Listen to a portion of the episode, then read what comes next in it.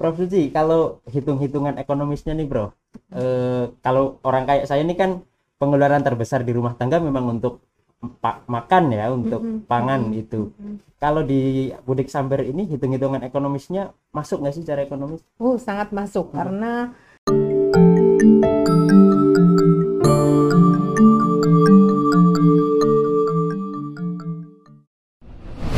Halo sobat teman semua, kita ketemu lagi di podcast UNES ya. Pada hari ini kita ketemu di segmen kata pakar. Seperti segmen kata pakar sebelumnya, di segmen ini kita akan bicara tentang persoalan aktual yang sedang hangat dan dibincangkan masyarakat untuk dikomentari oleh para pakar yang ada di Universitas Negeri Semarang, para dokter, para profesor yang ahli di bidang mereka masing-masing. Nah, hari ini kita akan bicara tentang budik samber dan kemandirian pangan di keluarga. Sudah hadir di studio podcast UNES, Prof. Suci Hatiningsih Dian Waskita Priyanti. Kali ini bener nggak, Prof? oh, masih salah. Masih salah. Panjang nama Yang betul saya. apa, Prof? Yang betul. Suci Hatiningsih Dian Wisika Prajanti. Oke, itu dia namanya. Nanti kita saya searching dulu di Google ya. Hmm, boleh. Dan Mas Fauzul ya. Ya. Mas Fauzul ini asistennya Prof Suci Ya, betul. yang terlibat aktif dalam eh, kampanye budidaya ikan dan sayur dalam ember ya untuk menunjang kemandirian pangan di tingkat keluarga. Ya, Betul Prof ya. betul, betul. Dan baru-baru ini Prof eh, Suci dan Mas Fauzul baru saja melaksanakan kegiatan pengabdian kayaknya tentang itu ya. Ya, kami bersama tim eh, inovasi dan komersialisasi di UNES Ya. mengadakan pengabdian di eh, Kopeng di Hmm. Desa Getasan. Ya. Kami sudah memberikan bantuan, tapi karena ini eh, baru pandemi sehingga terbatas, kami Hmm. memberikan bantuan 10 ember untuk Mm-mm. masyarakat di Kopeng sebagai contoh. Mm-mm. Paling tidak sebagai sarana latihan dulu ya. Ya, latihan dulu. Sudah sejauh apa Mas Fauzul kegiatan pengabdian kemarin?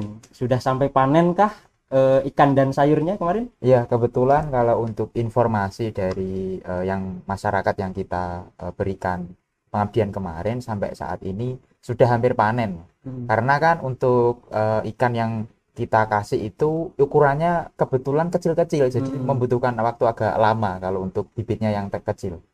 Jadi sampai saat ini belum panen tapi sudah hampir panen. Hampir Karena panen. sudah berjalan satu bulan setengah. Ya, Oke, Bentar baik. lagi, Pak. Sobat UNES semua, kita cari tahu, kita ulik dari Prof Suci dan Mas Fauzul ini gimana sih cara pengembangan budik samber dan kita bisa praktikkan untuk menunjang kemandirian pangan di tingkat keluarga. Prof Suci, saya pengen tanya dulu, eh, budik samber ini kayaknya kan mulai ngehits ya Iya. sejak sejak ada pandemi ya awal 2020 ini. Iya. Tapi sebenarnya secara konsep sebagai sebuah gagasan, eh, budik samber dan kemandirian pangan ini sudah muncul lama atau baru-baru sebenarnya, Prof? eh, sebenarnya sudah muncul lama karena ini adalah sangat praktis ya. Jadi kita bisa eh, memelihara ikan dan menanam sayur dalam sebuah ember. Tapi begitu ada pandemi, orang-orang takut keluar untuk bertemu dengan orang lain, ya, kita bisa mempraktekkan dengan praktis di rumah masing-masing sehingga ini di saat pandemi sangat eh, bermanfaat saya kira. Hmm, mulai ngehits booming itu sejak awal ya, pandemi itu. sejak awal awal pandemi. Mhm. Ya. Mas Fauzul, eh, kalau secara teknis ini sulit nggak sih mengembangkan ikan dan sayur dalam ember ini sebenarnya? Oh iya. Kalau untuk secara teknik tidak ada kesulitan, Mas, untuk implementasi Budi Samber ini selain membutuhkan biaya yang murah, itu Mhm. juga implementasi serta perawatan hariannya itu sangat mudah. Jadi ru- eh, rumah tangga baik skala menengah ke bawah atau menengah ke atas semua bisa mengimplementasikan Budi Samber ini sebetulnya. Oke. Prof Suci, kalau hitung-hitungan ekonomisnya nih, Bro. Eh, kalau orang kayak saya ini kan pengeluaran terbesar di rumah tangga memang untuk makan ya, untuk Mhm, pangan mhm, itu. mhm. Kalau di Budik Samber ini hitung-hitungan ekonomisnya masuk nggak sih cara ekonomis? Oh, sangat masuk Hmm. karena eh, selain jadi murah, jadi kita bisa eh, memelihara lele sekitar 60 sampai 70 ekor dalam Hmm. satu ember ukurannya 80 liter Mhm. dan di situ juga ada tanaman bisa kangkung, bisa sawi, tanaman yang mudah tumbuh Hmm. itu sekitar 13 cup. Jadi kami kemarin menggunakan cup-cup kayak cup-cup aqua itu Hmm. sehingga eh, sangat eh, murah dan eh, bisa membuat efisien untuk mengeluarkan kebutuhan pangan Hmm. karena eh, saat ini kebetulan eh, di petani itu persoalannya adalah em, panjangnya mata rantai eh, komoditas pertanian itu Hmm. sehingga antara produsen dan konsumen kadang terpaut jauh. Jadi Hmm. antara petani dan konsumen terpaut jauh. Nah, ini bisa mengurangi apa biaya biaya konsumsi biaya-biaya yang terlalu panjang tadi Hmm. bisa eh, menekan konsumsi lebih murah. karena Begitu. produsen sekaligus konsumen Iya, ya nggak ada biaya distribusi gitu Iya. ya. Prof kalau eh, hitung-hitungan Prof eh, idealnya nih biaya untuk pangan sebuah rumah tangga itu berapa persen sih dari penghasilan umum kalau untuk rata-rata orang Indonesia deh Prof Ya, kalau kira-kira saya kira eh, tergantung dari eh, besar penghasilannya besar penghasilan mereka. karena Tapi semakin besar semakin banyak juga ya ya semakin besar kadang kita kemudian kebutuhannya juga semakin besar. Tapi eh, saya kira dengan adanya eh, terobosan seperti Budik Samber ini bisa eh, mengurangi biaya pengeluaran dan akhirnya mungkin lebih kecil persentasenya. Mm-mm. Misalnya tadinya untuk pangan 50% bisa 40, 30% begitu. bisa dialokasikan untuk yang lain gitu Iya, ya. betul. Eh, Mas Fozul, ini gimana cara ngitungnya? Kalau saya sebuah keluarga kecil nih, misalnya eh, di rumah ada dua anak misalnya berempat di rumah, atau satu keluarga lima orang deh. Kira-kira volume yang diperlukan supaya kebutuhan ikan, lauk, sayurnya itu terpenuhi kira-kira berapa volumenya? Iya. Cara ngitungnya gimana tuh? Jadi gini Mas, untuk Budi Samber sendiri itu tuh memang sebetulnya adalah alternatif untuk memenuhi kebutuhan pangan dengan menghemat biaya konsumsi ya seperti yang dikatakan Prof. Suci tadi. Karena untuk implementasi Budi Samber ini selain eh, kita dapat menghemat biaya konsumsi itu sebetulnya juga bisa dika- eh, digunakan untuk skala komersil Mas. Hmm. Jadi kalau kita hanya untuk memenuhi kebutuhan pangan itu terserah untuk rumah tangga itu sendiri mau mengimplementasikan berapa ember Hmm. dan sebetulnya kalau untuk embernya sendiri itu juga ukurannya terserah. Cuma Hmm. yang eh, untuk digunakan standarnya memang ukuran 80 liter seperti yang Hmm. dikatakan Profesi tadi. Karena apa? Karena dengan kapasitas ember 80 liter itu bibit lelenya akan semakin eh, banyak dibudidayakan. Hmm. Karena untuk budidaya lele itu sendiri kalau dalam ember itu idealnya adalah satu ekor lele itu satu liter. Hmm. Jadi kalau untuk 80 liter itu sebetulnya bisa dimasukin 80 ekor lele. Mm-mm. Tapi kan 80 liter itu ember penuh. Oh, Jadi eh, untuk Kisaran lebih- 50-60 barangkali. Iya, 50 sampai 60 dan itu pun nanti kematiannya sekitar 10%, Mas. Hmm. Jadi kalau seumpama kita budidaya 60 ekor nanti ya sekitar 6 itu akan mati, 10 Oke. ekor rata-rata. Oke. Jadi kalau untuk berapa idealnya kalau untuk rumah tangga supaya eh, konsumsi kebutuhan pangannya tercukupi itu sebetulnya satu ember, dua ember itu cukup. cukup. Karena itu kan untuk panennya itu bisa bertahap, tidak harus secara langsung gitu. Jadi seumpama hari ini mau goreng lele, besoknya mau masak sayur dari Hmm. kangkung. Nah, Hmm. itu terserah rumah tangganya itu sendiri. Kalau lebih banyak lebih bagus kali Iya. ya. Kan bisa dijual. Iya itu untuk dikasih ke komersil. tetangga bagus juga kan. Iya, Oke, Tuh, malah uh, uh. ketahanan pangan antar rumah tangga Antar rumah nanti. tangga itu Iya. udah ketahanan tingkat RT RW Iya. tuh. Bukan rumah malah tangga. skalanya lebih besar, Mas. Kalau menurut Prof Cici, eh, kemarin ramai ini akan jadi gaya hidup baru eh, atau yang cepat hilang atau kira-kira akan bertahan lama nih di masyarakat Indonesia? Hmm, kalau menurut saya ini alternatif, jadi eh, tergantung masyarakatnya. Seperti Hmm. kami kemarin di Kopeng, kebetulannya eh, kebetulan masyarakatnya antusias sehingga Hmm. sampai saat ini pun mereka juga eh, malah ingin secara komersil karena Hmm. memang di Kopeng sudah ah, banyak sayuran, tapi untuk ikannya, untuk lauknya masih kurang sehingga ini Iya. tergantung dari eh, masyarakatnya. Mhm. Saya kira gitu. Oke, baik Prof. Eh, kalau di Kopeng kan memang kulturnya memang daerah pertanian kan ya Prof? Ya, ya. Nah gimana kalau saya nih misalnya yang Mhm. kulturnya perkotaan, kira-kira ada kesulitan tertentu nggak untuk mudik sambar di perkotaan kira-kira? sangat tidak. Jadi karena memang eh, sangat mudah untuk pemeliharaannya, Hmm. jadi ini juga bisa untuk terobosan bagi masyarakat kota urban Hmm. farming untuk eh, membudidayakan eh, ikan dan sayur dalam ember. Saya Hmm. kira ini malah alternatif yang sangat menarik bagi Hmm. teman-teman di perkotaan supaya kita bisa makan sayur sehat Mhm. dan juga eh, menggunakan lauk. Hmm. Begitu, Mas Rahmat. Jangan-jangan kalau bagi orang kota ini sekaligus hiburan kali ya Bro? Ya, saya kira iya. Apalagi sekarang sudah merebak eh, banyak lagi di Jawa Tengah ini tertinggi ya, Mas Hmm. Rahmat ya, Hmm. sehingga kami kita eh, untuk keluar rumah itu jadi agak hati-hati lagi Iya. sehingga ini menjadi hiburan sekaligus untuk eh, memberdayakan keluarga. Mm-mm. Ya. Mas Fazul, kalau Iya. menurut pengalaman eh, tim ini, kira-kira berapa waktu sih yang harus disediakan oleh pemilik ya Budik Samber ini supaya jangan-jangan nanti semangat bikin aja tapi terbengkalai karena nggak cover ngopain ini Iya. gimana? Iya Mas, jadi untuk eh, idealnya, jadi sebetulnya sebelum kami itu melakukan pengabdian, itu kami membuat contoh dulu. Mhm. Jadi kami membuat tutorial istilahnya. Iya. Kami membuat videonya, tutorialnya. Jadi sebelum masyarakat itu kita berikan ember dan benih lele, itu kita berikan tutorialnya videonya. Mm-mm. Jadi terlebih dahulu kita memberikan contoh yang real, yang nyata, supaya masyarakat itu percaya. Mm. Untuk awalnya sendiri sih kita untuk untuk sayurnya sendiri kalau kita menanam sayurnya itu adalah kangkung, Mm-mm. sebetulnya ada dua pilihan Mas untuk kangkung itu. Hmm. Kita menggunakan benih dari biji, kita Hmm. menggunakan benih dari batangnya. Hmm. Kalau kita menggunakan benih dari biji, itu kita eh, masa panen pertamanya lebih lama. Karena kan kita butuh untuk biji menjadi kecambah dan tumbuh tinggi. Tapi kalau kita benih kangkung itu langsung dari batangnya, Mm-mm. itu 14 hari kita bisa langsung panen kangkung. Dari batang itu yang si daunnya sudah diambil terus Ya, itu bisa dipotong Betul, ditanam ya? limbah. Oh, limbah ya? dari iya kalau kita beli kangkung itu kan biasanya yang batang yang paling keras itu kan tidak dimasak ya Mas. Nah, Hmm. itu bisa ditanamkan di budi damper ini. Itu untuk kangkungnya itu 14 hari bisa panen setiap 14 hari sekali. Kemu- Kemudian kalau lelenya itu dua bulan kita sudah bisa panen. Hmm. Dua bulan kita panen satu ekor eh satu kilo bisa isi 10 ekor. Hmm. Tapi dengan syarat bibitnya itu kita belinya mulai ukuran 7 sampai 9 cm. Mm-mm. Kalau kita bibitnya belinya 5 cm itu biasanya dua bulan setengah Oke, panennya. Nah, sama. seperti itu. Oke. Prof, kalau ini eh, kalau kita bicara soal ekonomis, walaupun ini Hmm. untuk hobi, tapi kan tetap ngitung juga uang yang keluar nih, Bro. Mm-mm. BEP-nya berapa lama dan gimana cara menghitungnya, persiapan uang Hmm. dan sebagainya tuh, Bro?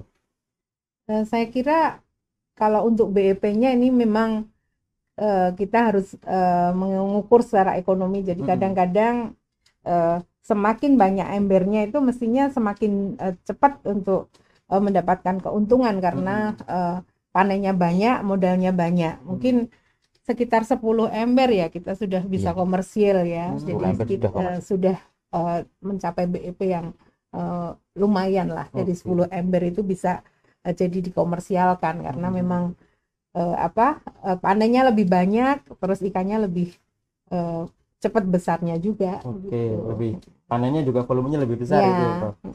Kalau di yang dipraktikkan di Kopeng itu Mas Usul kan Iya. 10 ember ya? Ya, Hmm. 10 ember. Kira-kira berapa biaya yang diperlukan nih? Kalau saya habis ini mau praktek langsung nih kayaknya.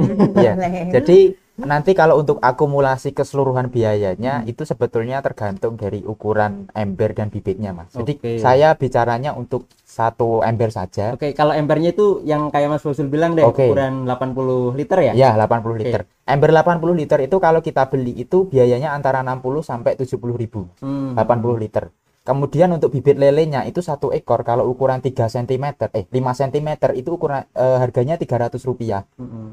Jadi kalau untuk eh, satu ember itu untuk diimplementasikan itu ya sekitar 65.000 atau 70.000 Mm-mm. ditambah kalau untuk bibit lelenya itu 20.000 berarti 80.000.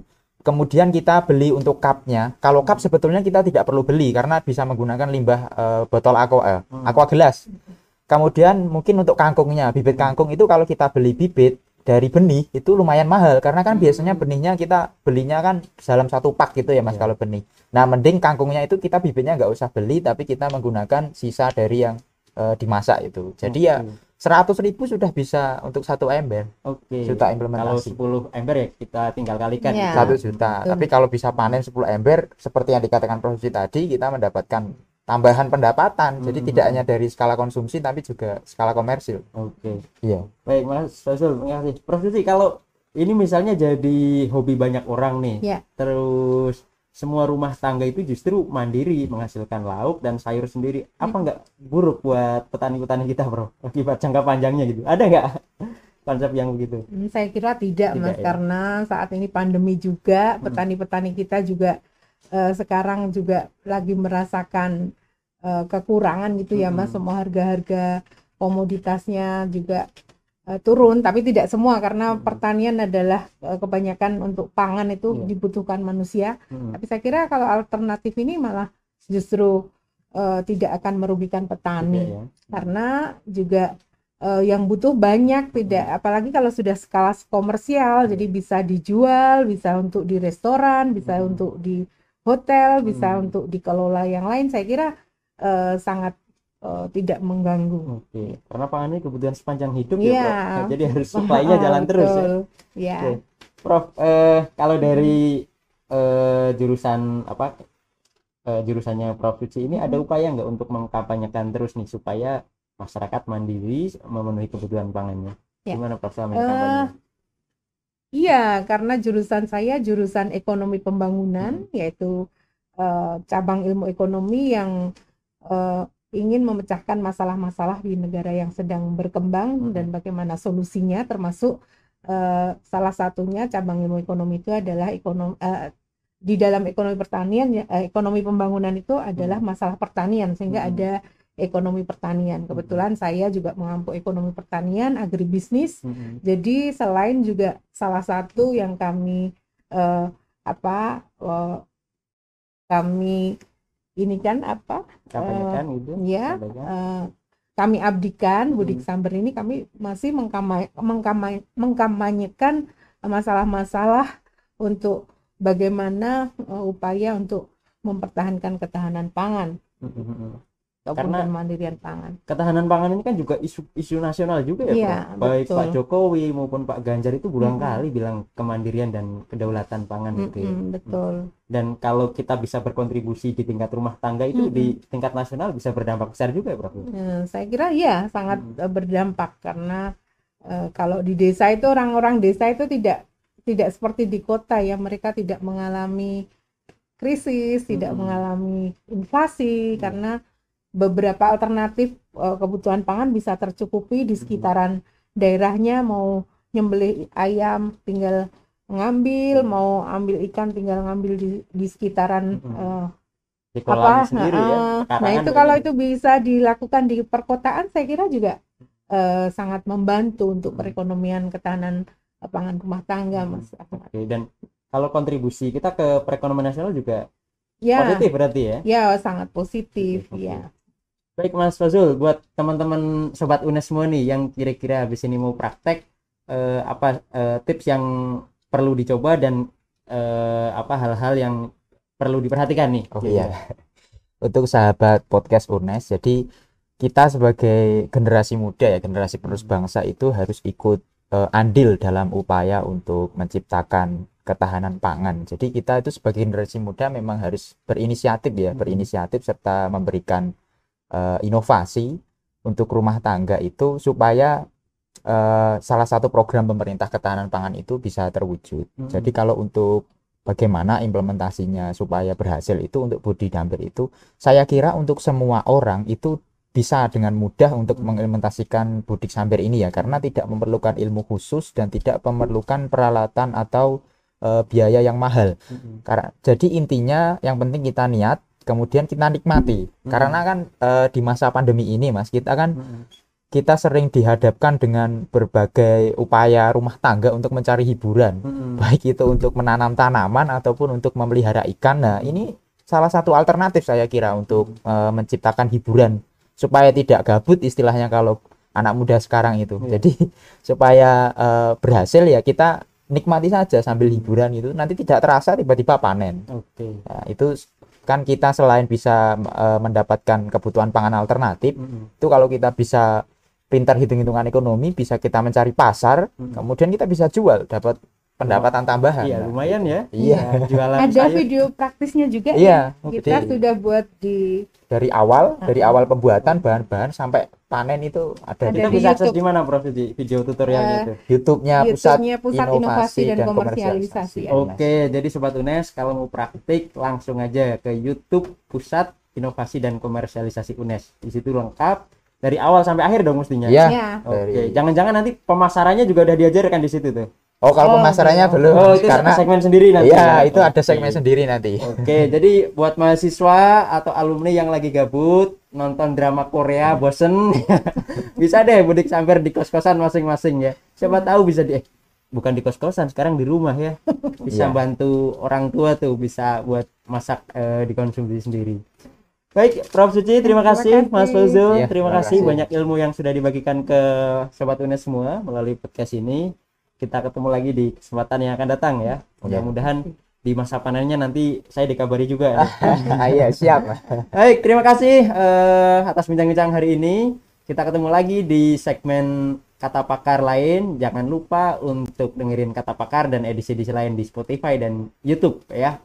Eh, banyak hal yang bisa kita pelajari dari para pakar di Universitas Negeri Semarang. Kita ketemu lagi di kesempatan yang akan datang. Bye bye. Baik, terima kasih.